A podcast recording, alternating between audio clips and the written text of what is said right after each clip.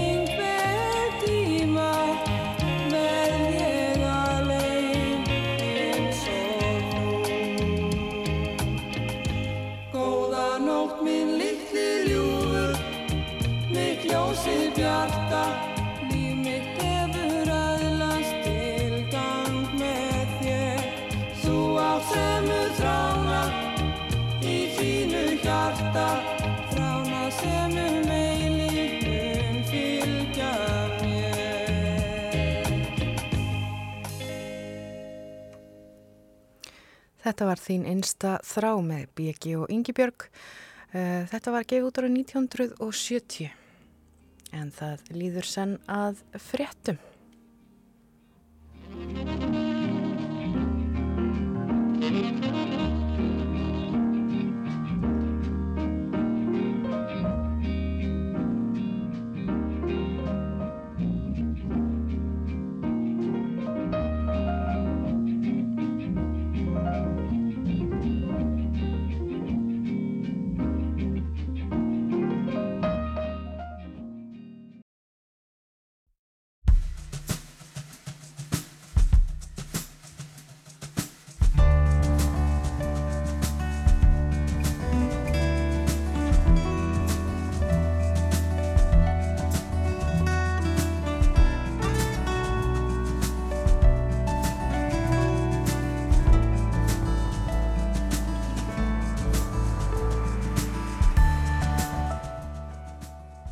Morgumaktin helsar og býður góðan dag. Í dag er 5. dagurinn 29. september. Sveitastjórnafólk er nú samankomið á Akureyri og ræðir þar í með smálefni sveitafélagana en landstingsambands íslenskra sveitafélaga stendur nú yfir. Þingið hófst í gær og stendur fram á förstu dag og yfirskreitt þess er grunnur að góðu samfélagi. Við fjöllum um málefni sveitafélagana og fáum til okkar í hljóðustöfu hér á Akureyri heiðubjörg Hilmisdóttur en hún tekur formlega við sem formaður sambandsins á þessu þingi. Ný ríkistjórn Liz Truss hefur kynnt ger breyta efnahags og skattastefnu í Breitlandi og það er óhætt að segja að áformin hafi valdið glundróða í bresku efnahagslífi. Kvorki fórsetir sá þeirra nýja fjármálar á þeirra hafa tjáð sig um stöðuna síðustu daga og það þrátt fyrir yngripp Sælabankans og viðvaranir alþjóða gjaldir í sjósins meðal annars. Bói Ágússon sest við heimsklukkan eftir morgunfréttir klukkan átta og ræður um bresk málefni en líka um lekana á Nord Stream gasleðslunum og Úkrænu. Við veltum líka fyrir okkur stórum fréttum úr tennisheiminum en uh, þær fréttir bárust í síðustu viku að svisneski tennisspilarinn Roger Federer, hann myndi hveðja keppnisvöllin. Við ætlum að rína í þennan atburð og fáum til þess Jónas Pál Björnsson, frangotastjóra tennishallarinnar. En Jónas hann veit uh, sitt hvað um tennisýþróttina og hefur lengi verið mikill aðdáðandi fetirar. Umsjónamenn morgumvaktarinnar eru Gíja Holmgerstóttir og Þórun Elisabeth Bóadóttir.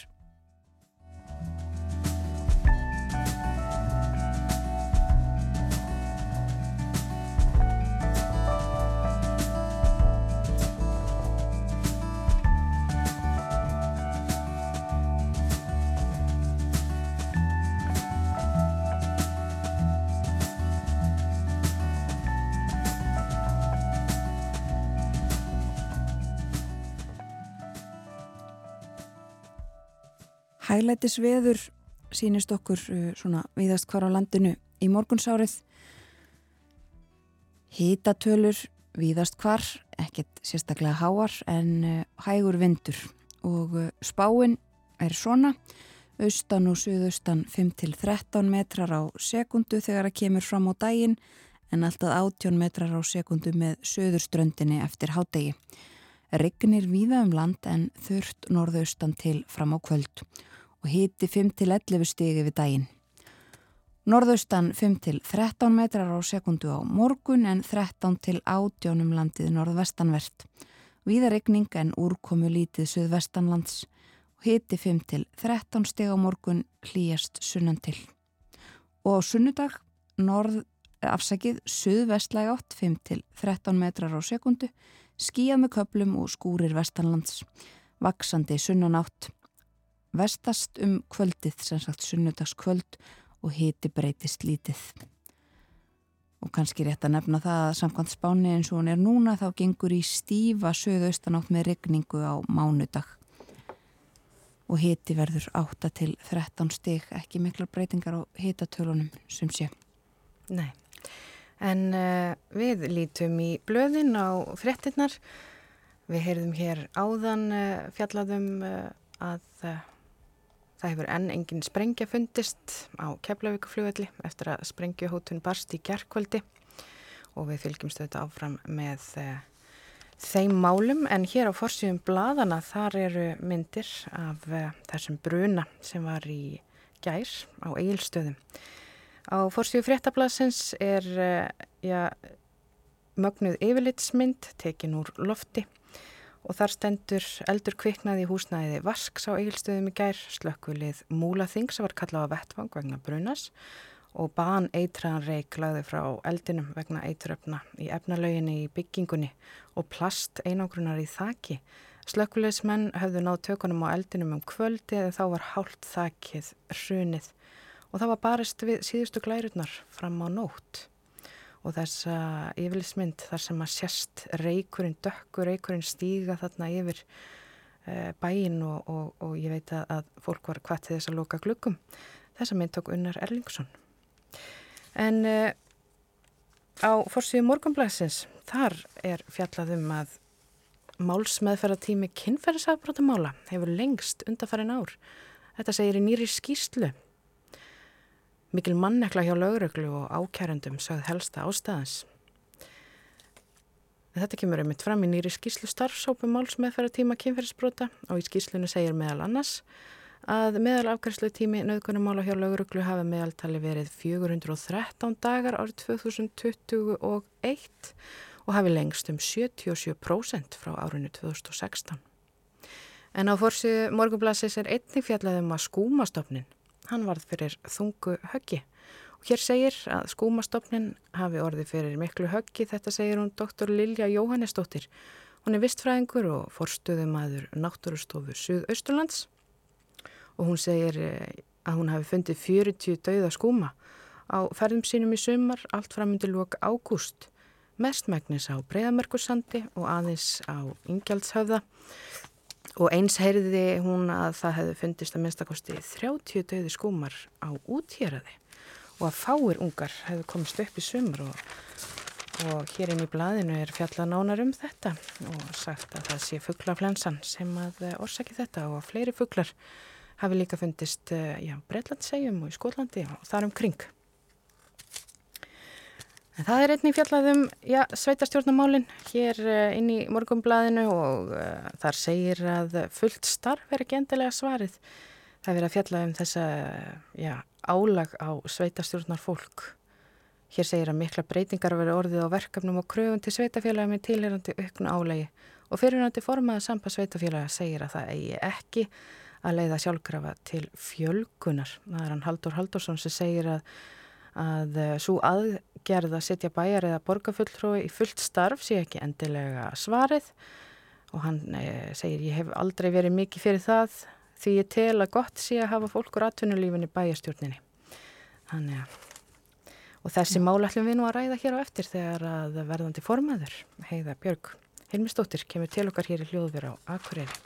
Akkurat og við hefum líka heyrt í fréttum um, og eins og kemur fram þarna á fórsíðu frettablasins líka uh, eh, heyrti frettum um þessa gasleika heyrðum það núna klokkan sjö að uh, það hefur fundist fjórði lekin á Nord Stream leðslunum Bjarni Pétur Jónsson sagði frá því sjöfrettunum að uh, tveir lekana eru í sænskri lögsögu og tveir í, í, í danskri Við viljum líka ræða þau málaðins nánar uh, hér á eftir þegar að Bói Ágússon sæst við heimsklukan en þetta eru stór mál uh, víða á fórsýðum út í heimi og uh, það má segja til dæmis um fórsýðun á politíkan í Danmarku. Þar er því sleið upp að kapplaup um ímiskonar leðslur og kapla pýpur uh, á sjávarbotni sé hafið. Uh, þetta sé nýja uh, nýju svona stríðssvæðin það sé hafsbotnin og líka fjallaðum þessi mála í dagins nýheter í Svíþjóð á forsýðunni mynd þar frá og umfjöllun frá Bornholm, Borgundorholmi í Danmörku í nákvæmni við eina leðsluna og uh, sagt að þetta valdi óróa á Borgundarholmi um, og uh, viðbræðsstíg hafi verið hækkað. Og einnig greint frá því í dagans nýhet er að uh, sænskum stjórnvöldum hafi verið gert viðvart um hættuna af uh, árásum á þessar leðslur áður en að þær uh, voru teknir í gagnið og áður en þær voru byggðar þá hafi sænskum, sænskum stjórnvöldum verið gert viðvart að, að þetta gæti uh, gerst. Og líka greining á því það er sagt að það sé ekki endilega sjálfgefið að uh, stjórnvöld Kreml uh, hafi viljað skemma þetta uppáhaldsverkefni sitt. Og lókum líka fjallaðum lífríkið í sjónum. Fiskarnir séu órólegir og lekin geti haft áhrif á þorskstofna framtíðarinnar. Nú á menningarsýðum uh, dagans nýhettir er uh, Björg Guðmundsdóttir, sönguna íslenska í uh, viðtali og það haft eftir henni í á fórsýðunni að fá að vera heima og skjóta rótum. Það hefur gert mikið fyrir tónlistina, segir listamæðurinn sem er flutt heim til Íslands segir hér á fórsíðun á, á dagins nýheter. Nú uh, í breskum blöðum og uh, flestum fórsíðum er fjallað um stöðumála í efnahagslífinu þar ákvörðun uh, Sælabanka England sem að grýpa inn í með kaupum skuldabrefa í gær og þetta rætt fram og tilbaka 65 miljardar punta er, er upphæðin sem að, sem að Sælabankin tilkynnti um og þetta er gert til þess að verja og vernda eh, líferisjóði í Breitlandi og eh, neyðar ráðstöfun við tælum nánarum þessi mál á eftir eh, nefnum hér fórsýðu sem að Bói Ágúrsson ætlar að tala um veit ég á eftir, hann hefur sagt okkur frá því þar sem að auglist er eftir uh, fórsættisráð þeirra Liz Truss. Hún hefur ekki tjáð sig uh, neitt um þessi mál síðan að uh, síðan að ákveðið var að ráðast í þessi þessar miklu skattalækkanir og breytingar á kerfum í Breitlandi í síðustu viku. Og það hefur kvasi hvart einn fjármálur á þeirra ekki heldur gert þessi mál allsráðandi í breskum fjölmjölum e, þennan morgunin og já. og það er eins og líst sér eftir henni. Já, það er bara líst, líst eftir henni. Og hún sér satt e, já, spurt á e, einum stað hefur einhver séð þessa konu? Og annar staðar svona svona leini mynd tekin úr, úr leinum einlega af Liz Truss að mæta til vinnu í gerðmorgun snemma uh, í, og það er tekið fram að hún hafi mætt hér í, í íþróttafötum. Hún hafi verið í óformlega klætt uh, þegar hún mætti vinnuna í gerðmorgun en hún sér satt já og þau ekki tjáð sig neitt um þessi mál en sem komið er. Og uh, eins og við nefndum í gær þá hefur líka alþjóða gjaldri sjóðurum blanda sér í málið um kvatti til þessi gæra að það er því um, það er því, þessi mál er því endurskoðu skattalækkan er sérstaklega uh, endurskoðaðar. En um, aðeins til bandaríkjana uh, fórsíðan á New York Times þar er uh, fórsíðu myndin frá Fort Myers í Flórida í gær gríðar mikil flóð. Þetta er upplugasti stormur sem að hefur riðið þar yfir í næstum tvo áratvíu um, fellibillurinn Ían sem hefur valdið miklum skaða. Annar staðar meðal annars rættum við það í gærað um, hann hefur valdið um, ramagsleysi um, á kúpu og uh, nú sömu leiðis um, í bandaríkjónum yfir miljón manna uh, mist uh, ramagnið og hann fer fer þarna yfir í dag uh, gríðarlega öflugur um, öflugur stormur og stóru svæði meðal annars uh, svæðum í Flórida sem ekki hafa uh, sem þar sem ekki hafa verið fellibilir í áratvíi eða jafnvel heila öld.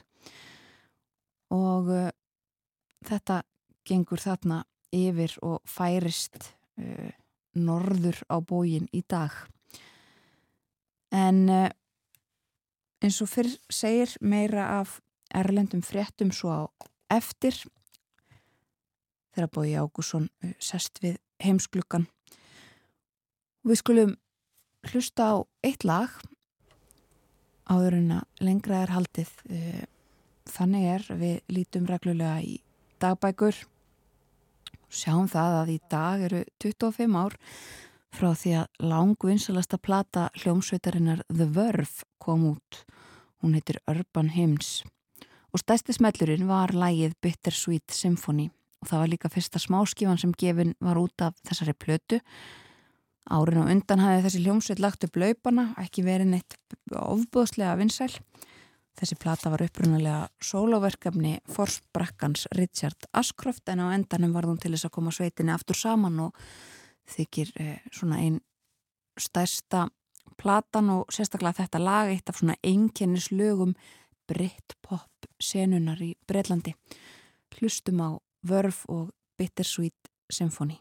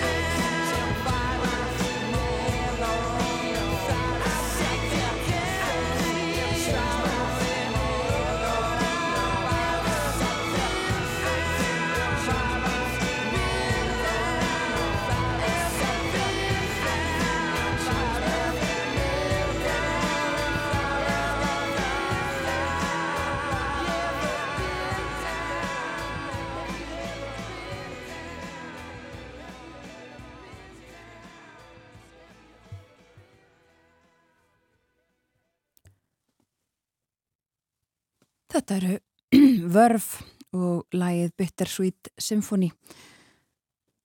Stærsti smellur þeirra hljómsveitar og það eru 25 ári dag síðan að uh, þessi plata Urban Hymns kom út.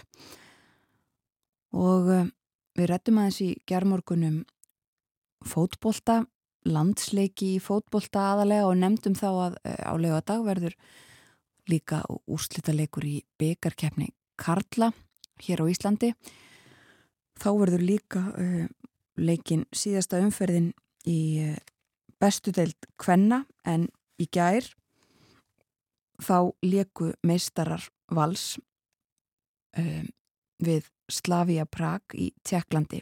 Það var leikur í meistaradeild Kvenna og Valur er úr leik þetta árið eftir að hafa gert markalust í aftöfli. Leikurinn fór 0-0 og valskonur töpuðu fyrir leiknum 0-1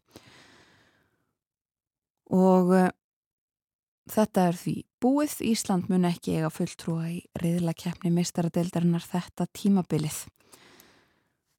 Svona er þetta um, en valsestelpur orðnar meistarar hér heima. Og uh, aðeins af þingstörfum það er þingfundur í dag hann hefst klukkan hálf 11 fyrsta mál og dagskrá störfþingsins og svo sérstök umræða um öryggis og varnarmál. Það er Þorgjur Katrín Gunnarsdóttir formaður viðreysnar sem er málshefjandi og uh, Katrín Jakobsdóttir fórsættisáþur að verður til ansvara þessi umræða hefst klukkan 11. Svo uh, fleiri mál á, á uh, dagskráni, skráning raunverulegra eigenda, frumvarpum hlutafélög, eh, sveianleg tilhugun á fæðingar og foreldraorlofi er þingsalutuna til að sem Bergþór Ólafsson, Ólafsson þingmaður miðflokksins uh, hefur lagt fram og flytur uh, í dag Nú svo er það búvörulög uh, frum upp Þórarinns Inga Péturssonar og svo þingsalutina til að um samning saminuðu þjóðana um bann við kjarnorku vopnum.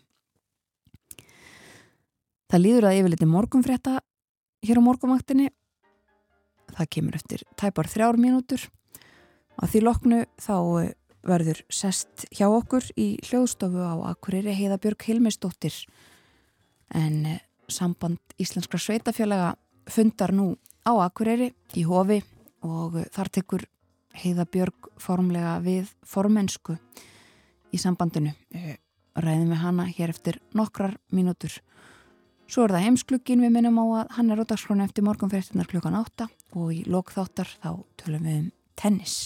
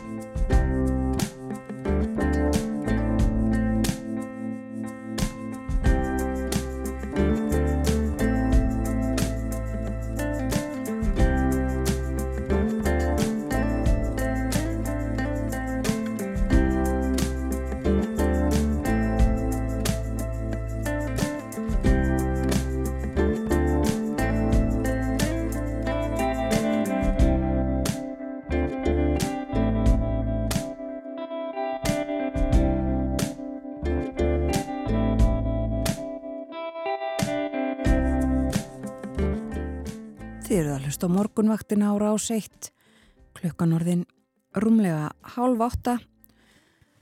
Það er 50 dagur í dag, 20. og 9. september, september senn á enda. Það eh, kemur nýr mánuður um helgina, 1. oktober á lögadag. Ágættis veður í lok september, austan og suðaustan 5-13 metrar á sekundu þegar það kemur fram á daginn en upp í 18 metra á sekundu með söður ströndunni til dæmis undir eigafjöllum og í öræfum og það er vætu samt um allt land en að mestu þurft norðaustanlands þar til í kvöld þegar að smá væta fer þar yfir. Á morgun snýst til norðaustlægra ráttar með rigningu víða en verður þurft suðvestanlands. Kvassast og úrkomi mest verður á vestfjörðum þar sem spáðir 13 til 18 metrum á sekundu. Á laugardag heldur norðlega átt áfram með regningu fyrir norðan en þurft siðra og á sunnundag svo skýja með köplum og skúrir vestanlands en eh, vaksandi sunnanátt líka vestast á landinu. Á sunnundagskvöld og gengur svo í stí afsakið stífa söðaustanátt með regningu á mánudag. Og eh, við minnum á það að hér á eftir verður eh, Bói Ágússon með okkur, hann sest við heimsklukkan eftir morgun fréttinnar klukkan átta. Aðal uh, málið í dag uh, breskmálefni við ætlum að tala um stöðu efnahagsmála. Lífskjara krísan í Breitlandi hefur verið uh, forsýðu efni mánaða, nokkura mánaða skeið. Nú hefur verið gerð svona kúvending í ýmsum málum sem að viðkoma sköttum og öðru í, í ofnbörum fjármálum og uh, þessar breytingar hafa valdið glundróða en ekki teirist frá fórsettisráð þeirra eða fjármálaráð þeirra landsins. Bói okkur svona alltaf að ræða þetta og líka um uh, þessi uh, gött, þessi, þessa leka úr Nord Stream gasleðslunum og eitthvað ætlum að reyna að tala líka um stöðumála í Úkrænu. Og uh, svo í síðasta hlutu þáttarins þá verður gestur okkar Jónas Páll Björnsson, hann er framkvæmdastjóri tennishallarinnar og mikill aðdáðandi Rodgers Federer.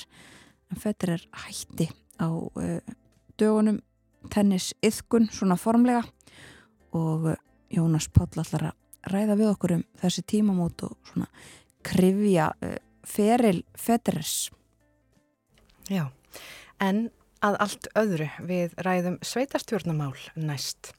En sveitarstjórnafólk er nú samakomið eh, á Akureyri og þar eru e-mailsmálefni sveitafélagana að rætt nú þegar að landsþing sambands íslenskar sveitafélaga stendur yfir. Þingið hófst í gær og það klárast á morgun með yfirskriftinni grunnur að góðu samfélagi og hingaði hljóðstofu á Akureyri er komin verðandi formaði sambandsins heiða Björg Hilmistóttir, verður velkomin. Takk þær fyrir. Já, verðandi, hvenna tekur við nákvæmlega? Það er semst í lokþings á morgun, þá tekjum við formlega við sem formaður og þá kjósum við líka nýja stjórn og þá getum við hafið standa. Já, hvernig, nú ert þú, já, ert þú ekki fætt og uppalinn hér á Akkurri ef við förum í svona eh, heimahagana? Jú, heldur betur sko. Ég myndi auðlanga áskallum til hamingjum með að vera komið til Akkurriðar en hérna En ég er náttúrulega alveg upp og var hérna í skóla og verkmyndaskólanum og hérna, hérna marga vini og fjölskyldu þannig ég lakka bara til þegar þingi er búið, ég ætla að vera aðeins nengur þannig ég geti hitt svolítið af mínu fólki. Já, ymmit. En eh, nú ert þú að taka við sem formaðu sambandsins, já þegar að staða sveitafélagana en nú, eh, já segjum bara afar vandasum. Mm -hmm. Versta afkoma sveitafélagana frá hruni, eh, hvernig lagst þetta í þig? Ég hef mikinn áhuga á samfélagsmálum og ég held að, að uh, staðan er grav alvarleg eins og hún er núna. Og það er mikilvægt að við hérna, setjumst vel yfir þetta og finnum lausnir og, og það leggst vel í mig að fá að taka þátt í því. Mm. af því að ég veit að þetta er hægt og ég veit að við getum saminast um það að Íslands samfélag verði betra.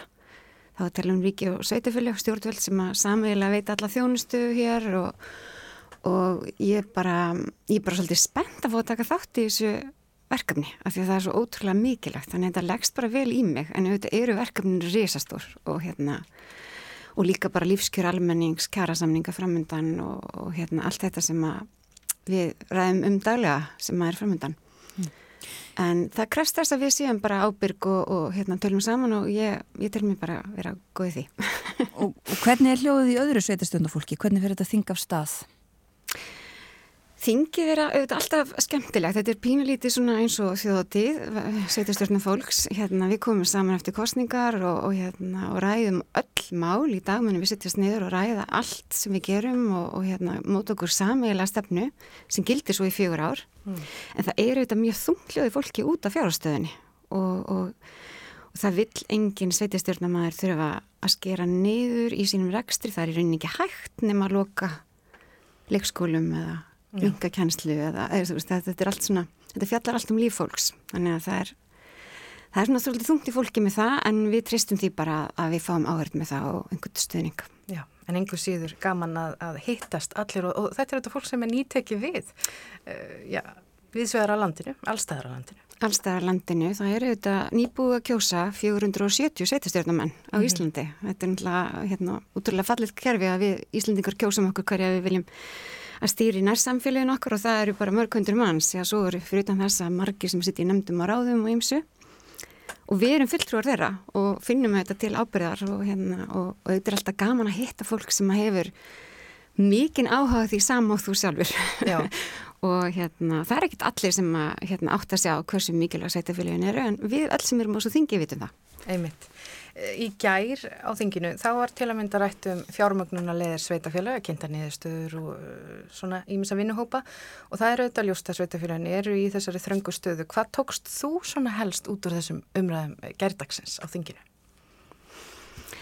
Mér fannst þetta bara sko fín samantakt á stöðunni og uh, auðvitað svona er þetta ekki kannski nýjar fréttir þannilega fyrir mig, ég, hérna, við höfum svo sem varað við þessu lengi að ef að, að stjórnvöld kem ekki með okkur inn í, inn í að, að mæta COVID og öllum þeim mm. kostnæði sem að fyldi og, og öllum því að þá, þá myndir staðan versna að, en, en kannski það sem er mann alltaf svo ofal í huga þegar maður fyrir yfir þetta bara áhættan á því ef að, að sveitafélagin verða skuldsettari og geti ekki haldið áfram að byggja upp innviði sem eru nöðslega til þess að fólk geti flutt um allt land og vali sér búsettu og, og hérna, það er ekki nóg að innviðin séu sterkir í höfuborgarsæðinu, þau þurfu að vera sterkir allstaðar og til þess þurfa sveitastjórnfélagin að vera sterk og minnst það svolítið líka okkar okkar bara mikilvæga ábyrðu núna að tryggja að við getum haldið áfram að byggja upp leikskóla og skóla og, og alltaf þá mikilvæg þjónustu, þjónustu að falla fólk og eldra fólk um allt land. Mm. og hérna,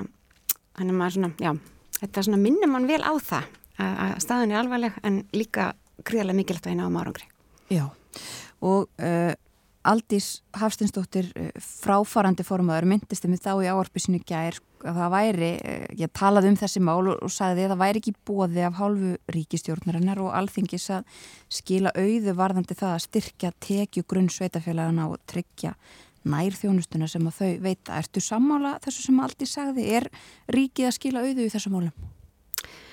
Um, sko, en þá hefur við ekki séð þeirra tillögur en, en nú hefur staðið yfir vinna í eitt og halvt ár uh, samæli vinna sambandsýtlisveitafjöla og ríkisins í að skoða þetta.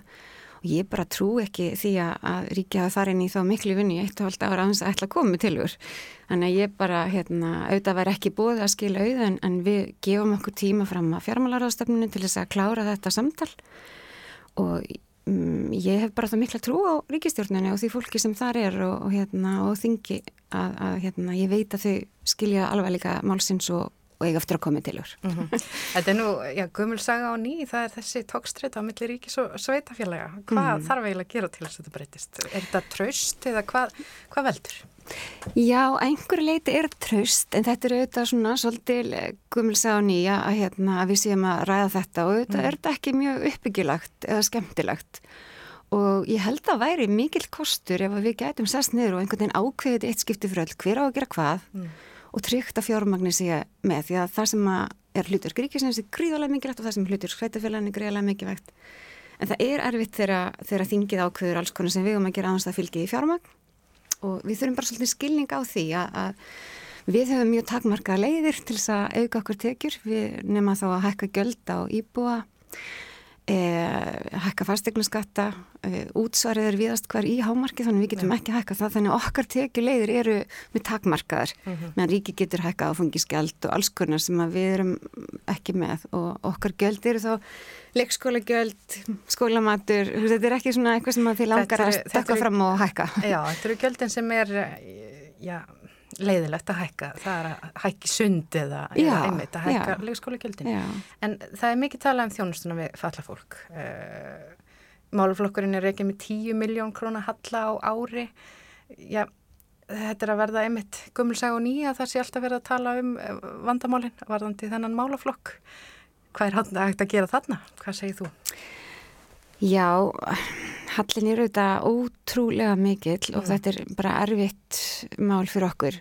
En það sem þetta snýst um er auðvitað mannréttindi fallast fólks og það ja. er það sem að hérna, brennur á okkur að geta í rauninni uppfyllt samning saminu því þannig um réttindi fallast fólks, að geta jafna stöðu fallara já, eins og við getum allavega með að við okkur sem ekki erum með föllun og já, það er erfitt að ég að byrja ábyrða því en hafa ekki til þess fjármagn og ég held að það sé allir, hljóta allir að vera saman um það. Og það er komin ákveðin skísla út mm. sem, þar sem að aðilar eru sammálu um að þetta sé staðan. Ég var alveg ekki heyrt annað. Og þá hljótu við að geta sest niður og fundið á því lausnir. Því að ég hef ekki heyrt neitt stjórnmálum mann segja að hann vilji ekki, ekki hérna mannréttindi fallast fólks, ég hef ekki heyrt það. Annað uh, stórt mál á uh, sveitastjórnastíinu er sko fækkun sveitafélaga og saminningar þeirra. Það hefur verið já, mikið til umræðu og þetta nokkrar saminningar orðið uh, undanfarin ár. Þú sagðið í fréttum í gæra að sambandi myndi ekki hlutast til um það hvort að sveitafélag saminist eða ekki. Er þetta ekki svo litil stefnubreiting og, og hvers vegna er það þá? Jú, í rauninni þá lagði stjórnin sem að þá situr, sem ég er sannlega í, fram eh, tillögu fyrir landsting á, á þessu kjörtumömbili sem að að, er að ljúka núna um það að við myndum styðja frumvarp innveðar á þeirra, eh, er á þeirra sveitastjórnumála þá um mm. það að lögbynda e, íbúa fjöldan en, hérna, sem myndi þá fara eftir áfengum. Það, bara, hérna, það var einhver tilæð sem við komum með og, og hún var endar samþygt en var það umdeilt og í rauninni skaduleg fyrir okkar samstarf að mjög mörgu leiti um, að mér finnst í rauninni ekki rétt að halda áfram á þeirri braut. Sambandi þarf að vera vettangur þar sem við getum öll komið saman þar sem við getum öll rætt um, okkar mál og, og fundi lausnir í saminningu og þetta kom svona upp, það, sumir upplöfu að hín sveitafjölun væri orðnir óvinnurinn og það getur við ekki gert núna í þeirri stöðu sem uppi er. Við verðum að vera samtaka og sammála. Mm. Þannig að hvað sem ríkisvaldi ákveður að gera þá, þá mun ég allavega ekki beita mig fyrir neinu slíku að við, við í, tökum þar afstöðu sem, sem samband. Einstakar sveitafjölu haldur öflust áfram að skoða saminningar og viða er það mikilvægt og kannski ég vil fórsenda þess að þau nái að hagra það en, en það er sveitastjórnum fólk almennt að skoða þessa dagana. Já, Já. Þannig að það er svona verið að læja öldurnar. Já, mér finnst bara mikilvægt að við vitum og eigum þetta samband saman og getum mætt þar og, og tala hreint út á þess að einhvern veginn og þessi ríkur á melli höfuborgarsvæðis og landsbyðar, hérna, ég held að við erum öll í að mikilvægt. Það er mikilvægt að sé að sé öflug og stark höfuborg, það er líka mikilvægt að sé byggum all land mm. og, og við eigum að vinna bara saman að því. Já. Já. Það var þessi, já, fyrir maður um, um, um eblingu sveiturstórna styggsins, þetta mm. kemur nú allt úr því, þar var mm. svona í fyrsta skipti verið að móta einhvers konar stefnu á milli ríkis og sveitafélaga, menn einhvers konar vinna í, í, í þeim dúr halda áfram? Já, það er nefnilega hérna, mörg tækifæri líka í því að vera með öflugan ráð þeirra sveiturstjórnumála og núna ávarpaði einvegar á þeirra okkur í gæru og er að fara hringverju landi þar sem hann kallar á samráðu um hvernig við viljum byggja upp samfélagið. Og hérna ég efast ekki um að setjastjórnum fólk mun taka virkan þátti því og ég hvetrindar alla íbúið til að taka þátti því. Þetta er auðvitað mm. ekki málefni okkar, þetta er málefni okkar allar Íslendinga. Við viljum bæðum all land og þá þurfum við einhvern veginn að ákveða hvernig ætlum við að gera það. Og menna, við erum eina ríkust þjóðum heimst og illa ári núna og uh, við getum vel gert þetta. Ef við bara einsetjum okkur það og, og veljum leiðirnar öll saman þá er, er hérna vegurinn vel fær. Já. Mm. Þú hljómar svona þokkala bjartsin með að við hvað við höfum heyrt af eh, einmitt erfiðu ástandi við það í, í sveitafélögum og þurfum alveg að ræða kannski aðeins nánar þetta, þú nefndir einmitt, ég menn það er það er erfitt, uh, útsvarið er víða í hámarki og ekki hægt að hækka það meira um, en, en blasir ekki við að það verður einhver staðar að uh, hækka gjaldskrár eða eða jafnvel líka dragur einhverju þjónustu eða skera niður í starfsemi sveitafélagana öðru leiti, Hva, hvað uh, þarf að gera, hvernig sér þau þetta fyrir þeirra svona á næstunni er þetta bara verið að býða eftir en þá þessu uh, samtali við ríkið? Nei, við getum nú ekki gert það Nei. og hérna við erum auðvitað sjálfstæðstjórnvald hvert og eitt sveitafélag og byrjum ábyrju okkar ekstri og ég held að séu allir að skoða núna hvernig mögulega væri hægt að ná endum saman. Við við getum auðvitað ekki reykja okkur í halla en, en við erum auðvitað ekki eins og einhver fyrirtæki sem geta þá bara dreyja úr einhverju starfsemi, við erum líka með lögbund og þjónustu. Ég gerir ráð fyrir að, að séu allir að skoða hvernig hægt er að, að forgangsraða henni umfram, umfram allt annað en, en ég, fyrst, það sem við getum mögulega gert verið að minga opnum tíma sundlega, sleppa almenni samgöngum, jáfnvel draga úr leikskólum af því að það er ekki lögbundin þjónusta.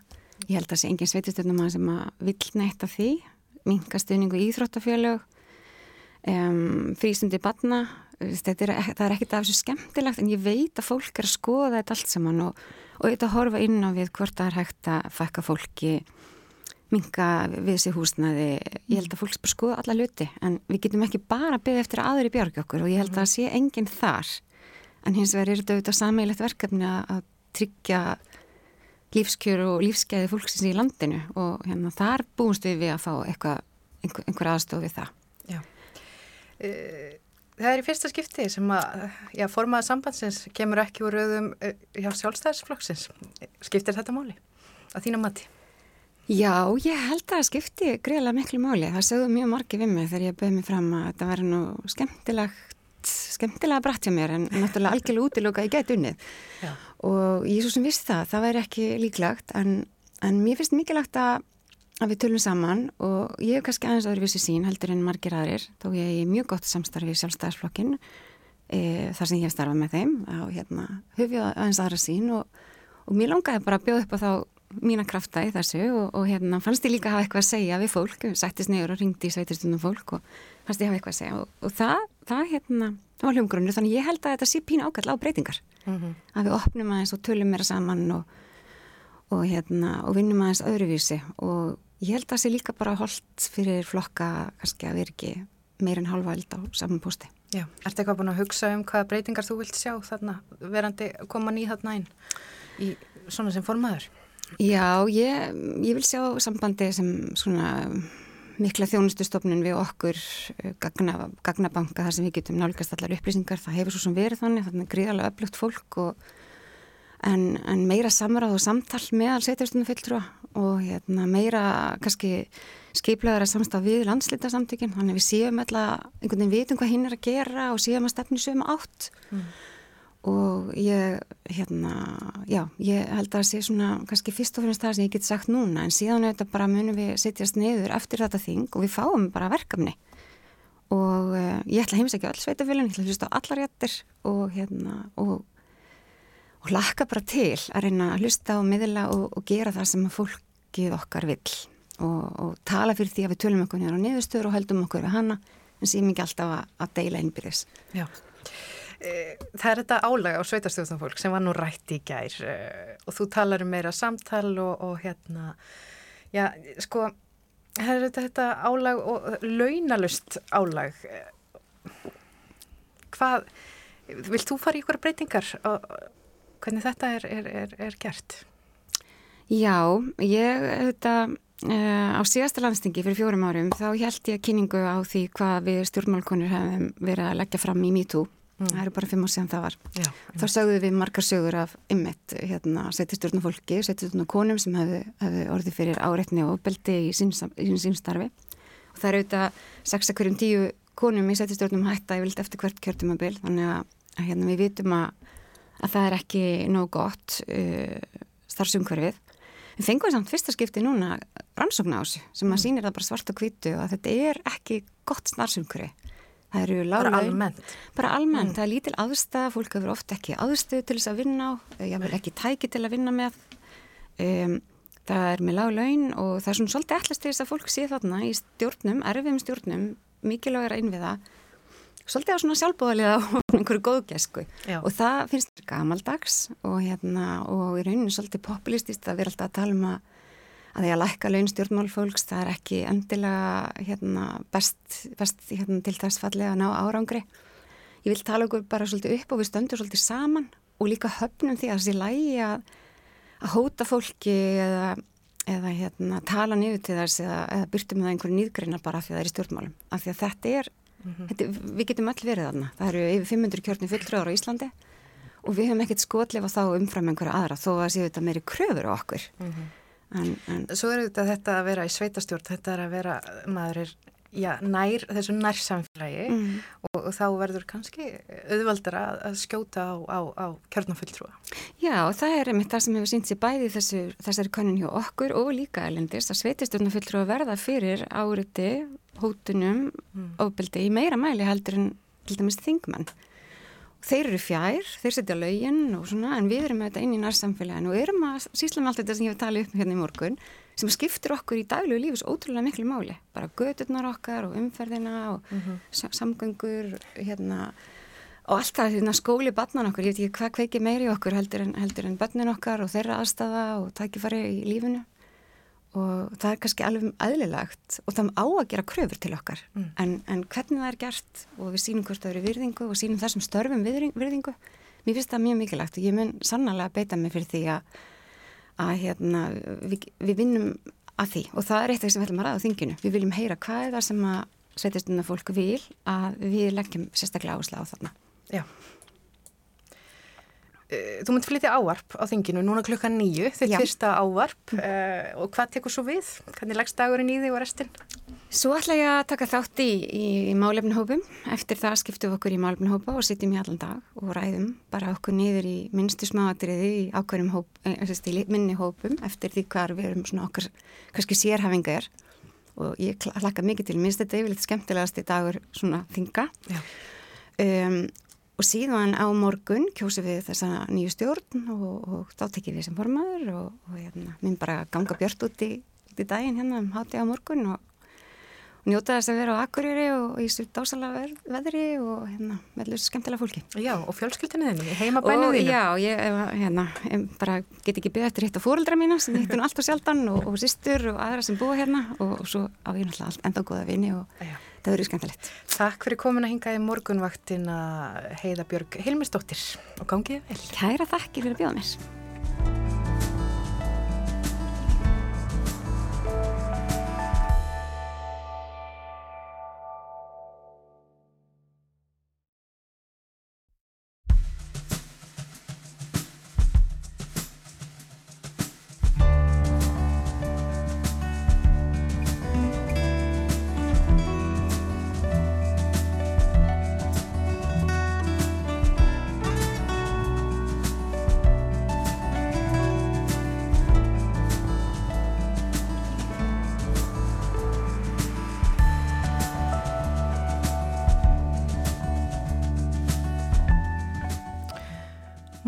Morguvaktin heldur áfram. Í dag er 50 daginn 29. september og klukkan er eh, ja, 6 mínútur, gengin í nýju. Við fengum hinga til okkar í hljóðvera á Akureyri, verðandi formann eh, ja, samtaka íslenskra sveitafélaga, heiði Björg Hilmisdóttir og uh, í lókþáttar munum við ræða feril svisnaska tennisspilunans Rodgers Federer. En nú er hins vegar komið að heimsklukanum. Já, til okkar er komin í hljóðstofu í efstaleiti Bói Ágússon, góðan dag. Góðan dag. Um, við ætlum að tala um Bretland svona megin uppustöðu í dag. Við rættum þetta fyrir nokkrum vikum, örfáum vikum þegar Liz Truss tók við sem fórsættis á þeirra. Þá höfðum við eftir einhverjum í breskum fjölmiðlum að, að hennar byði einlega allt nema heimsendir. Hún fengi enga kveitibröðstaga en það ástandi í Breitlandi erfitt. Um, já, síðan þá og núna bara síðustu daga þá hefur hún eiginlega, hún hefur gert gríðarlegar breytingar hún og, og hennar stjórn um, og þú sagði frá því í, í gerðkvöldu og í morgunna og við sagðum frá því að, að það er verið bara líst eftir henni í, í breskum fjölmjölum mm -hmm. uh, og ekkert hyrst frá henni síðustu daga í þessum glundróða sem að þar hefur verið en uh, hún er fundin Já, þetta er rétt uh, sko, ég byrti þegar ég verið að kynna þessa þennan heimskluga þá byrti ég á Facebook síðan minni forsíðu The Independent í Breitlandi sem er eiginlega einn stór andlitsmynd af Liz Truss og textin Missing, have you seen this PM saknað, hefur þú séð þennan fórsættis á það um, hún uh, kom uh, í, í morgun í um, viðtöl fimm mínúna viðtöl á svæðis útfarstöðvar og einhverjar svæðis sjónvarstöðvar Breskaríkis útfarsins BBC og uh, á leðinu hinga var ég að hlusta á þann ágæta þátt Today sem er svona kannski sýstur, stóra sýstir uh, morgunvaktarinnar á, á BBC og uh, þar hafði þeir náða að heyra eitthvað smávegis af því sem að hún hafði haft að segja. Og hún var greinilega með einhverja algjörlega, hún var með möndru og algjörlega lokuð fyrir því að svara spurningum sérstaklega spurningum um uh, hvað hefur verið að gerast síðust, síðustu fimm dag eða frá því á förstu dag mm. sko það sem að gerist þá já hún hefur eins og þið segið og nýja ríkistjórnin fekk fríð á með þegar drottningin dó aðeins tveimur dögum eftir að Liz Truss tók við ennbætti fórsættis á þeirra og svo var þjóðsorgi í Breitlandi og allt lokað og engin politík Eh, svo þegar því er aflitt í síðustu viku að þá kemur kvasi kvart teng fjármálur á þeirra, henni nýji fjármálur á þeirra og uh, hann tilkynir um gríðarlegar skattalækkanir uh, í þinginu. Áður hafði Liz Truss verið búin að gefa það út að uh, ríkið, stjórnin, ætlaði að styðja við almenningi í landinu vegna gríðarlegra hækkana á orkuverdi, ramarsreikningum og öðru slíku og það var í rauninni það sem hún vildi tala um núna í morgun en ekki afleiðingar yfirlýsinga hvað því hvað tengs því að um, hann kom þannig þingir um en ekki bara heyra svona örlítinn part af því sem er kjarnin af því sem er í stefnu uh, ríkistjórnarinnar High tax rates damage Britain's competitiveness. They reduce the incentive to work to invest and to start a business. And the higher the tax, the more ways people seek to avoid them, or work elsewhere, or simply work less. Þannig að segir hvað sé hvað stenga að um, hái skattar að þeir drægi úr frumkvæði fólks og þeir drægi úr uh, vilja þess til þess að vinna og hann hétt svo áfram að segja sko því hæri sem að skattarnir þeim mun minni áhugi er á að, að vinna hann, hann, og þetta er það sem þau hefa haldið fram að, um, og þetta er bara kjarnin í frjálfsíkunar að fólk er ríkið eitt að vera að taka á mikið en vandamálið hjá þeim er það að breska ríkið skuldar uh, og þó að sé kannski í um, samanbörðu við mörg önnur ríki að þá skuldið ekki tóskaplega mikið sinn hlutfall af þjóðaframlislu að þá skuldar það mikið og það er að steipa sér í mikla skuldir. Sko skuldir sem að koma uh, í uh, eins og allstaðar í rauninni í heimsfaraldrinum. Og síðan kemur ofan á þessi holskepla af hækkunum og verbolgu sem að má að miklu leiti reykja til strísins í Úkræninu uh, hlutur sem við finnum ekki fyrir sem er hækkun á orkuverði og ramagsverði sem kemur mjög illa við flestar aðrar þjóðir. Þar, sem, þar búum við náttúrulega bara við þennan fáránlega luxus að vera sjálfum okkur nóg um uh, húsittin og annars slikt auðvitað hefur bensín og, og jarðefnælsnæti hækka hérna líka eins og, eins og annars stað en við skulum, líta, við skulum bara horfast í auðvið það að þetta er ekki sá bakki sem að á, á Íslandi og Íslandingum sem að hann er ekki síst í Breitlandi sem að uh, gas er nota mikið til húsitunar. Um, en það sem að gerist er það að uh, sko þessar skattalækkanir á að fjármagna með lántökum það, það er yfirlýsingar valda gengisfalli punnsins og uh, vegna þess að markaðin hann hefur ekki trú á efnahagsaðgerðum stjórnarinnar. Gengislækunin hefur veldur vaksta hækkunum heimaferir og það vexti voru að hækka hvort þið er vegna vaksandi verðbólku og það veldur hækkaður í ávöxtun og kröfu á ríkisskuldabrifum Og það veldur því að það eru margi sem er að reyna að losa sig við ríkiskuldabrið og færa penningarna sína í, í eitthvað annað. Já. Þetta veldur svo verðfalli á, á skuldabrið á markaði, sérstaklega ríkisskuldabriðum sem að byrja að kalla gild eða þetta gilda, vegna sem ég skilst að það sé svona gildrönd á, á, á skuldabriðunum sjálfu. Og verðfallið það veldur því að, að lífeyrissjóð, fjöldi lífeyrissjóða sem er með mikið af sínum eignum í ríkiskuldabrjöfum sem er skindilega sko snarfalla í verði þeir bara beinleins komast í hættu. Uh, á miðugudaginn þá lísti allt því á gældurisjóðurinn yfir því að, í rauninni saði við breyta sko, heyrðu, heyrðu, heyrðu, á hvaða leið eru því nú skulle þið passa ykkur. Og uh, hugsið ykkur aftur og sko, hugsið ykkur um aftur aðtíði nú hvort að hérna, þið vilji ekki taka upp einhver aðra stefnu. Og í gær þá þurfti Englandsbanki sem er Sælabanki Englands að uh, skerast í leikin á markanum með neyðaraðgerðum og kaupa og lofa að kaupa ríkiskuldabrið og það virkaði allavega restin af deginum, ég hef ekki frett af því hvað hefur gæst núna á þessum mótni, þannig að þau hæ, hættu að lækka í, í, í verði eins og, eins og þau hafðu verið að hrílækka en sko hagfræðingar segja að þessi aðgerð Sælabankans breska, Englandsbanka hún jafngildi penningaprentun sem að venjulega eigur á verðbólgu og aðal hlutverk Englandsbanka er að berja skegg veðbólku alveg svo Sælabankans á Íslandi. Eh, og þetta er bankin að gera á sama tíma og hann hefur lofað að hann, hann sko lofaði þegar að hérna,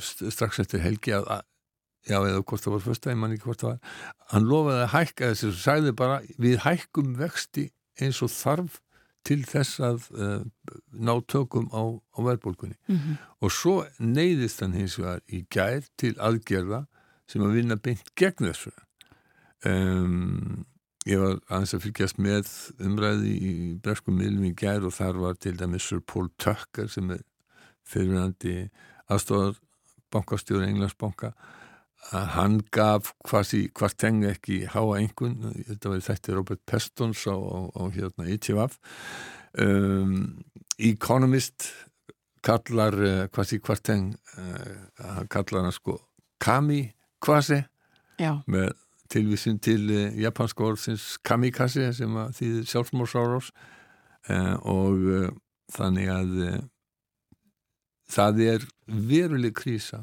Já, kannski nefnið að ég flettiði hérna upp að uh, pundi hefur haldið áfram að falla svo litið í morgun og emitt sagt hérna á, á VF uh, breskum, fjöl, breskum fjölmiðlam uh, að þessi viðtöl sem að Liz Truss hefur farið í í morgun og líka sagt, maður nummer tvö í fjármálraður mm -hmm. eins og sagt er Chris Phillip, Þau, hann Já. var líka í, í viðtölum í morgun Já. og sagt hérna þeim tókst ekki að sagt, hugreista markaðina Nei, nei, nei. með sínum ummælum Nei, ég er ekkert, þess að vegna þess að það sem ég heilði af Liz Truss var það að hún bara vildi ekkert tala um þetta og vildi bara tala um það að hún hefði eh, hérna 1-2 miljardar punta í að, að, að styrkja almenning eh, til að niðugriða eh, orkureikninga.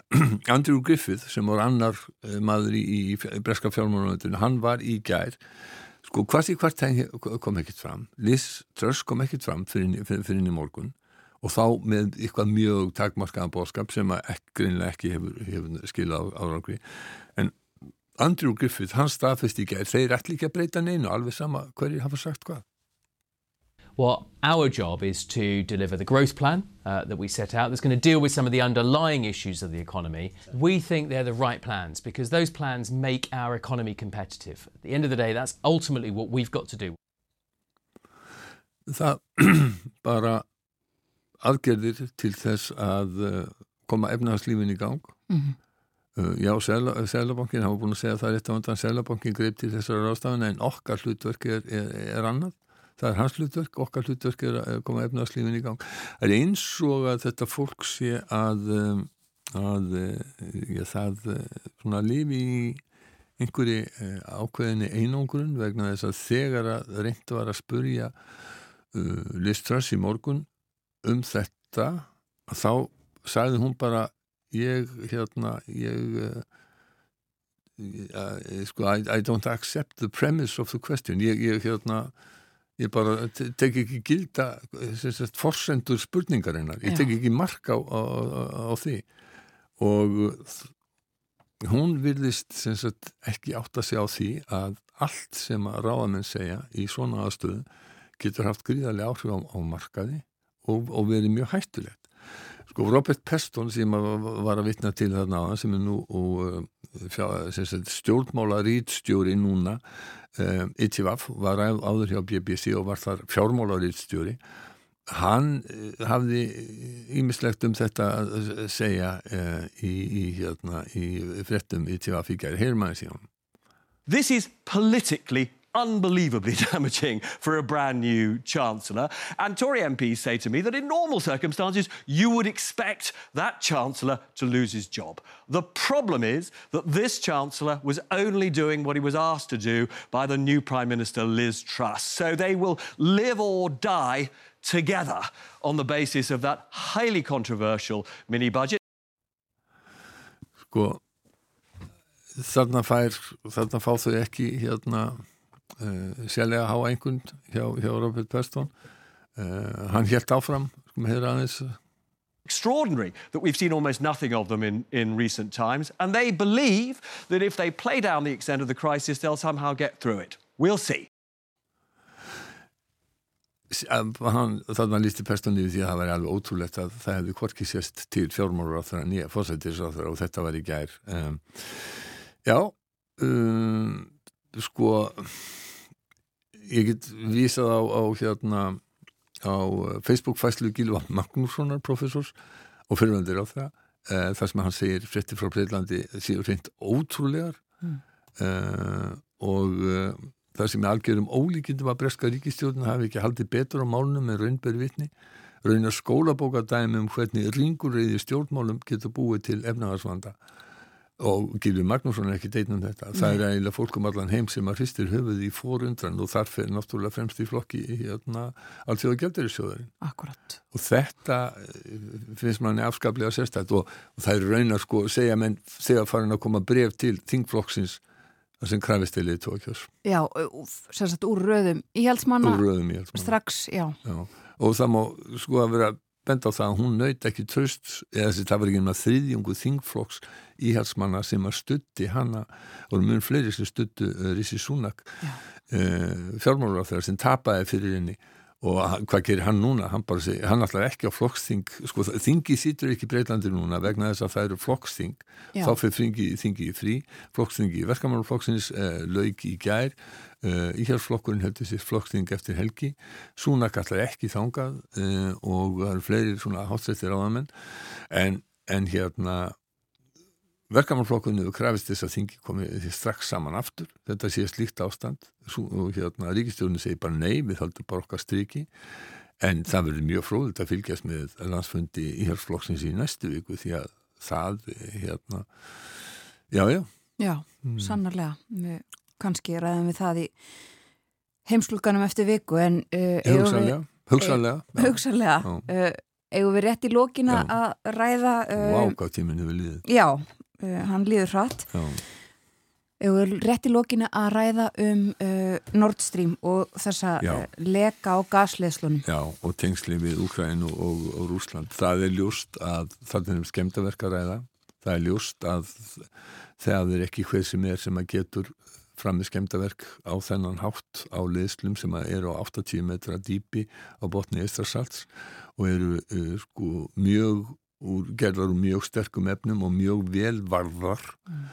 þarna þarf einhvern sem að já, öllum líkundu þarf kafbáð til eða það þarf allavega mikla teknitekkingu þetta er ekki á, á færi einhverja uh, svona mennilegra hendaverkamanna það sem að menn hafa verið að lega líkur að er að þarna þarf eiginlega ríki til ríki sem að ræður yfir uh, kafbátum í Íslarsalti og þá fara nú böndin að berast að einu ríki og það er Rúsland og uh, bæði úkrænumenn og pólverjar, þeir hafa ekki verið sérst ekki verið neinu vafa, þetta er rúslandin sem er að þessu. Þeir eru að reyna að skapa enn meiri glundrúða, en það hefur þetta valdið hækkunum á verði á jarðgassi þannig að streymir gríðalegt magna metani sem er mjög vond gróðurúsaloftegund mm -hmm. uh, og uh, mengunin gæti orðið sko óskaplega en bussið frá því að þá tilgangurinn vilist vera ef einhver tilgangur er, er að skapa uh, enn meiri óruleika á, uh, í vestrænum efnahagsmálum og uh, það er bara eini sem hagnast á því eða telja sig geta hagnast á því uh, og það eru eru rúsar uh, svo eru rúsar núna áttast ekki alveg á í hvaða heimi fólk lífið stundum. Sko þegar stjórnmöldir í Úslandi hafa lísti við því að ívíkna væri meiri hluti íbúa fjóra hér að í Ukræna hafa greitt aðkvæði með innlimun í Úsland og sko þessar svo kallar þjóðaratkvæðagreislur í það sem að meirinn helmingurinn af fólki er flúin Uh, aðrið eru reknir með hervaldi uh, og, og sumst að komið bara beinleginis með kjörkassana hérna, herminn sem koma. Og hvað kýrst þú við slíkar aðstæð uh, ofan, í, ofan í hérna gegnsæðan kjörkassa.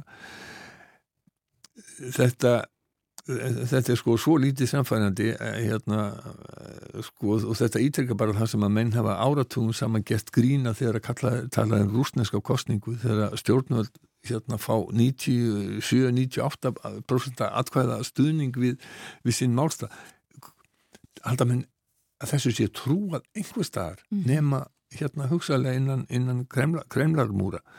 Menn vita það, auðvitað þetta bara hérna, auðvitað þetta bara tilgangurinn er að innlima þessi hérna þessi héruð Úkræðinu Þannig, já. Ég held að Þórtís Kolbrún uh, Uttaríkisóður hafi sagt í gerðkvöldi og notað bara orðið þvæla, fullkominn þvæla eða eitthvað svoleiðis yfir þetta. Tók ég... allavega mjög stert til orðaði mitt í þessu máli. Vi... Hún er ekki eini vestrænir áðamadur sem, sem, sem hefur gert það á, á þessu mótni. Akkurat. Uh, við komumst ekki lengra í dag. Takk fyrir Bói Ágússon.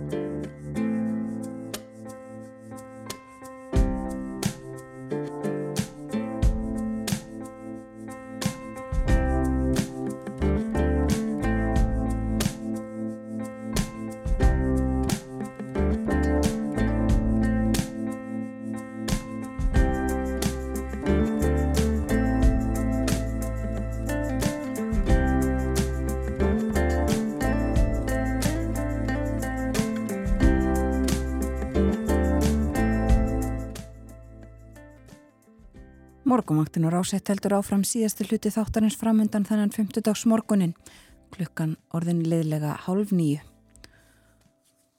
Og það er þungbúið í höfuborginni hér uh, út um klukkan í efstaleiti að minnstakosti uh, og uh, veðrið í dag þannig að það verður vætu samt um allt land. En þó að mestu þurft norðaustan lands þar til í kvöld þegar að smá væta fer þar yfir og það verða annars austlægar og suðaustlægar áttir 5-13 metrar á sekundu en upp í 18 metra á sekundu með suður ströndinni til dæmis undir eigafjöllum og í öræfum.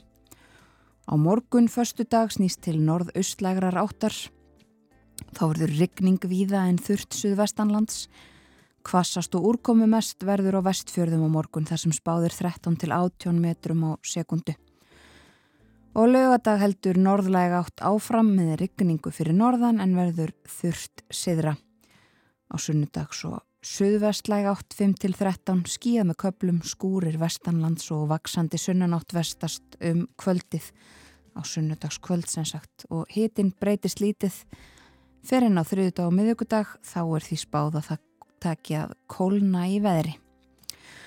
Og eh, Bói Ágússon var hérna hjá okkur áðan, settist við heimskluggan rættum aðalega um bresk málefni. Eh, eins og yðurlega var ekki tími til að komast yfir allt sem var á dagskráni en eh, bresk efnahagsmál eh, svona aðalatriðið Liz Truss fórsættisráð þeirra eh, komin fram hefur ekki látið heyra í sér í, í einhverja daga en uh, breskir fjölmjölar segja hún hafi ekki sagt neitt sem að e, fullvisaði markaði um e, að e, það væri lægi með hlutina. Hún gæti ekki hughrist neitt því að breska pundið heldur áfram að veikjast gagvart dollaranum.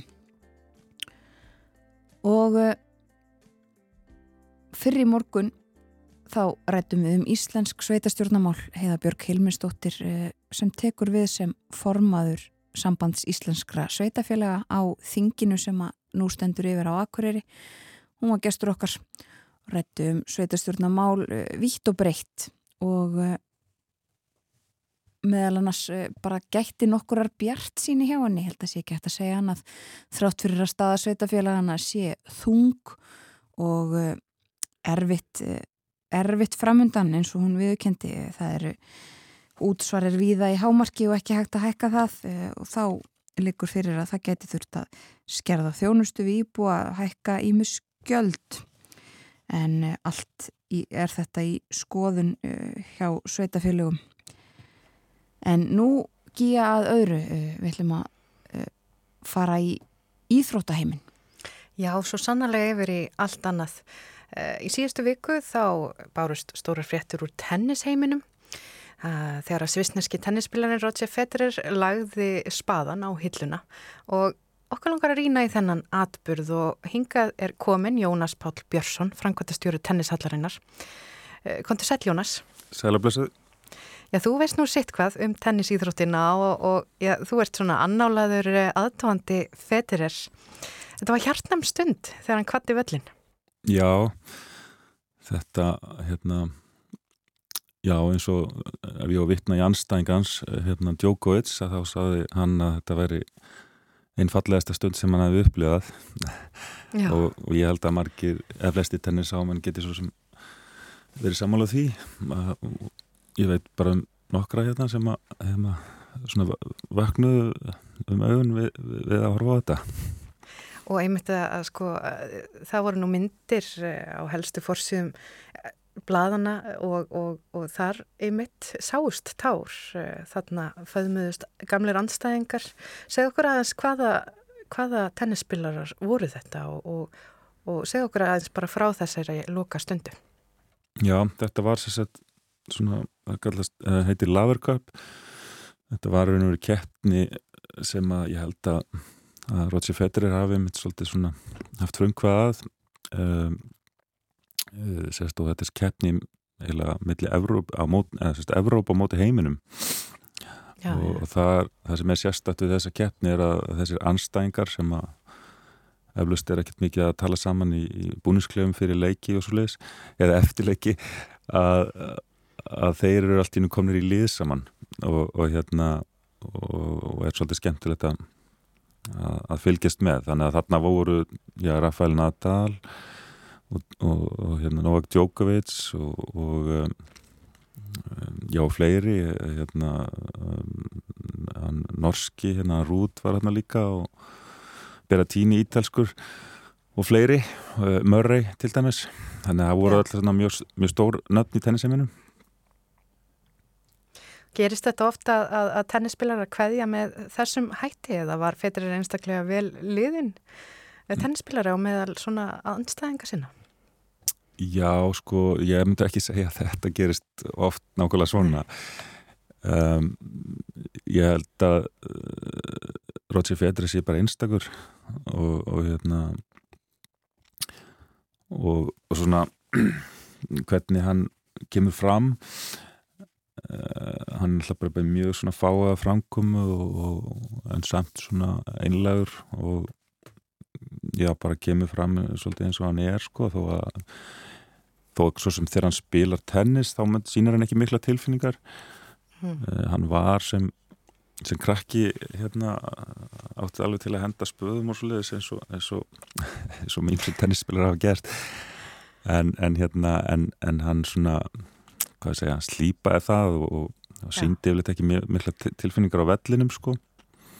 En það sem kannski gerir Federer held ég svona vinsalan uh, vist ég, hann er að mínu áldi uh, stærsta nafn í tennissögunar er það að, að sko fyrsta lagi bara hvernig hann spilar hann spilar eins og svona skólabókadæmi um hvernig hann spila uh, og er svona náttúrutalent um, hann sést að það þekkja það eiginlega allir tennispilarar að, að því að þú stendur einnum átti einum þetta er ekki Já. eins og að vera hluti af 11 manna fókbóltalið og þó það er liðlegan dag að þá vinnur kannski liðitt mm -hmm.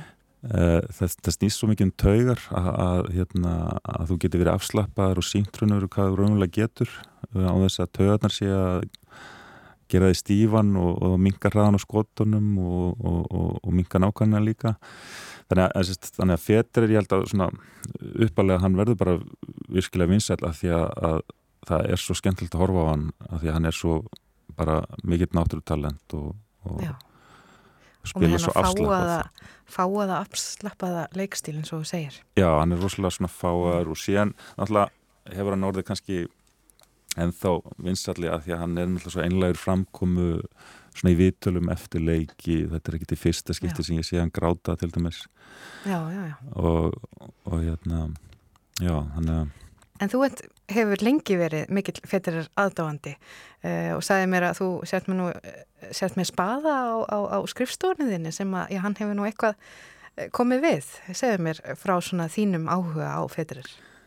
Já, þetta er hérna, minnst það smá spögilegt sko því að hérna, ég hef aldrei verið áslega mikil aðdándi einhvers, ég var aldrei mikil djúran djúran aðdándi eða vamma aðdándi eða eitthvað slíkt Nei. og síðan fatt að ég svona þegar, ég var um færstugt að ég var á herðu, ég, ég á átrúnað góð veist, sem er yngri maður sem er yngri en ég veist, og, og hérna mér er alltaf finnst það svona frekar spögilegt sko. en, en hérna en sko ég held að mjög margir tennisspilar eða tennisáhamenni eftir að sakna þess að, að að vera ekki fyrir fram að skjáin og, og, og vera hérna, öskra á skjáin þegar, þegar fetur ekki gerir mistök og, og svo leiðist þetta svo, fyrir okkur sko er þetta svona þetta er svona smá eins og það væri bara að vera eins og Liverpool væri bara hægt að spila sko.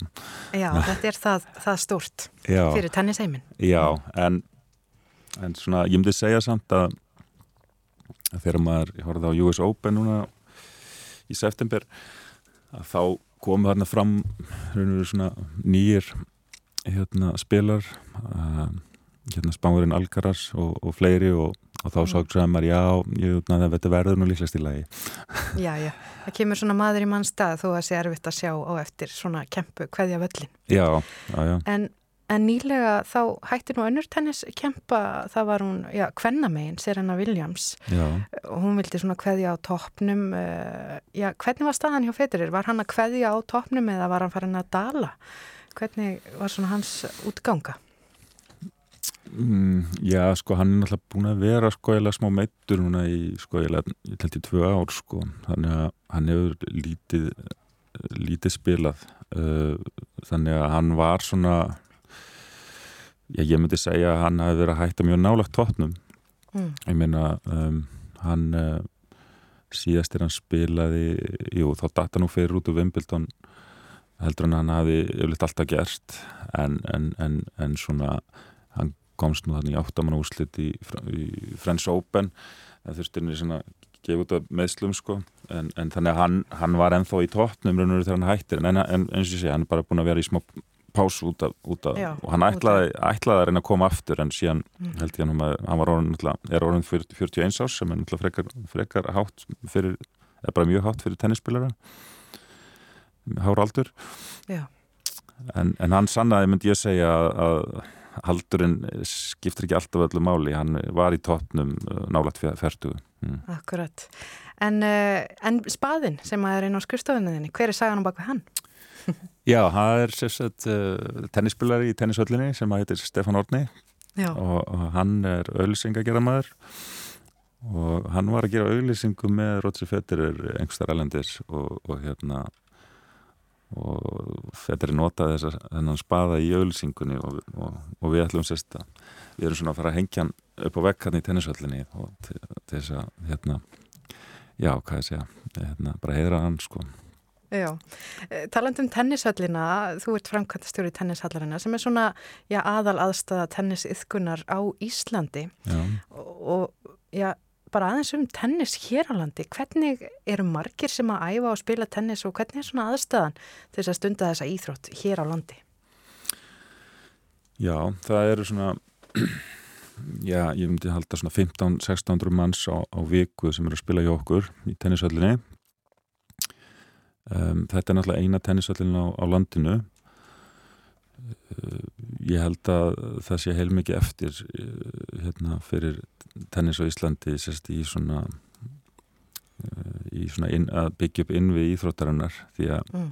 bara veðrið er náttúrulega þannig að, hérna, að, að þetta, það þarf að byggja upp inn í aðstöðu Já, það er ekki mikið um úti tennisvelli svona eins og viðarlendis? Nei, það er, það er nú einhver, einhver, eitthvað mútið um tennisvelli til þessi fósfóinum og lögadalunum og, og viðstæðtunni en, en, en, en svona það er svona svolítið stöttu tími sem þeir eru notaðir og, og þetta er svona að vissuleiti orðin svolítið inni í þrótt á Íslandi en ég held svona já að já, það sé mikilvægt að byggja upp frekar aðstöðuna fyrir tennis á Íslandi því að þetta er svo skemmtileg íþrótt og já. það er ekkit langt síðan við stækkum við, við, við stækkum 2019 og, og þá raun og veru um 100% eila og, og hérna e, og raun og veru hefur bara e, ef ég tek pateltennis sem, sem hluti af svona tennis e, þá, þá hefur þetta Pateltennis, hvers konar tennis er það? Padel er svona eins og blanda tennis og skvassi já, já, já. og ég hef leitt svona fjórir saman að spila mm. þetta er mjög vaksandi íþrótt sér það er algjörst æði í Svíþjóð til dæmis hérna með Patel og ég myndi segja sérst að það hafi aukist bara næst í þessi, þessi, þessi yðkun, bara það að þegar, við byggðum meira völlum að þá bara kom meira fólk og, og þannig að þetta er bara stekka um 100% á þeirra mér árum. 100% það er nú alls í ansi góð stekkun En hvað með hérna afræksfólk í íþróttinu? Eru ekkurir afræksmenn sem við eigum sem að uh, já, skara fannum úr? Já, við erum svona eigum, eigum þetta nokkra góða spilara um, sá sem að kannski hefur náðum bestum árangri heitir Arnar Sigursson og var Íslandsmestar í 15 ári rauð uh, hann hann, hann fór á hálfu ári úr því að vera 1500 heiminum upp í 702 mennum mig uh, og, og sérsett sem að mjög góður árangur uh, ég held að sé nú svona eitthvað sambald við það sem hann byrkilegur náði í, í gólfinu held ég. Uh, þannig en við eigum svona nokkrar tennisspilar sem að stráka sem að vera æfa mikið á spáni til dæmis og eru nú reyndir að þjálfa núna í tennishöllinni Íslasmeistarnir eru líka mjög góðir þeir mættu kannski maður vildi sjá þá meira vera að reyna fyrir sér ellendist því að þetta eru mjög hafileikar ekki spilarar. En, en það er svona hérna, uh, það, það getur líka verið það er, þetta, er, þetta er harður heimur líka að komast áfram í. Já, maður mann og eftir uh, já, þeirri sem að sigraði Serinu Williams, hún var uh, og er japansk. Mann og ekki alveg hvað hún heitir, þú kannski aðstofa mig Osaka, sem að, Osaka Mm, sem að einmitt hérna, sem að, já, brotnaði nú svolítið undan eins og álægi sem að fylgja tennisheiminu Já, já, þetta þetta er náttúrulega oft svona hálfgerð klikkun sko hérna ná árangri í þessu. Uh, þetta er oft einstaklingar sem að hafa bara verið í tennis síðan þeir voru 5-6 ára sko og, og bara oft sem átt fóreldra sem að haldið þessu mjög þetta að þeim og, og þau ná árangri sem, sem börn ólingar og þá er ákveðið að, að hérna, leggja allt í sölunar og já, þetta getur náttúrulega, veist, auðvitað er bara fullt af fullt af hérna krökkum eða, hérna, sem ekki, ekki hafa farið alla leið en lagt mikið í þetta. Þannig að, að hérna, þetta svona já, þetta er svolítið crazy þegar ég er reynskilin en, en, en, en auðvitað getur þetta verið mjög skemmtilegt eins og, eins og fetur er, er, náttúrulega bara dæmið það, maður sem elskar alveg íþróttina og, og, mm.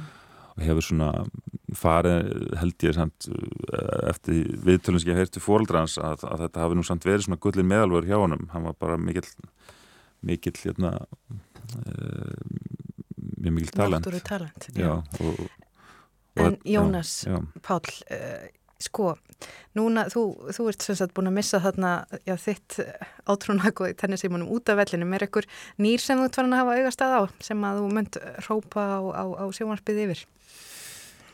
já, já, það er hérna getur s- til dæmis nefnt uh, hérna Grikkan uh, hann heitir Tsitsipas Stefán. Tsitsipas uh, hann, var, hann var nú hérna hvað, 2018 þá vann hann sér sett hérna átta, það er svona keppa áttu stíguhæstu leikmennir keppa og, og hann vann það mót og á þeim tíma var hann bestur basically að má segja hann hefði hægt að segja að á þeim tíma var hann bara bestur í heimi akkur þeim, þeim, þeim, því andatæki eða e, og sérst nokkru dögum eftir það þá, þá var hann bara mættu til okkar í tennishöllina sem var svona Já. óvænt og hann er svona Íslandsvinnur, tennisallarvinnur og hérna ég, þannig ég held svolítið mikið upp á hann og hann spila líka svolítið líkt fettir er um, þeir, bá, þeir nota báðir einshandar bakkvönd og það sem er svona svolítið listamannskot það er svona miklu erfara heldur en að vera með tveggjandar bakkvönd og, og hérna síðan er fyrst mér Alcaraz uh,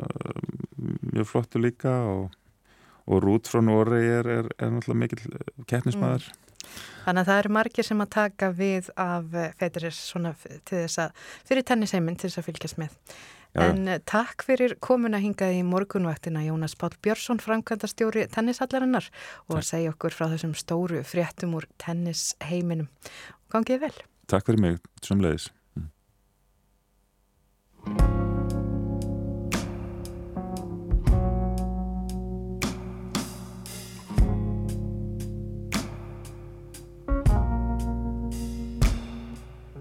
Seitlað þú í svörtum tárum síunni frá.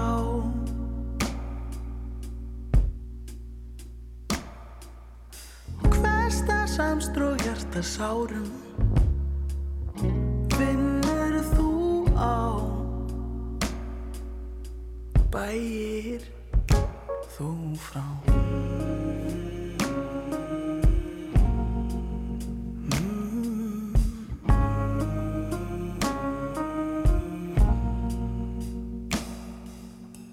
Blessuð alla tíð sé baunin þín. Brend og ilmandi.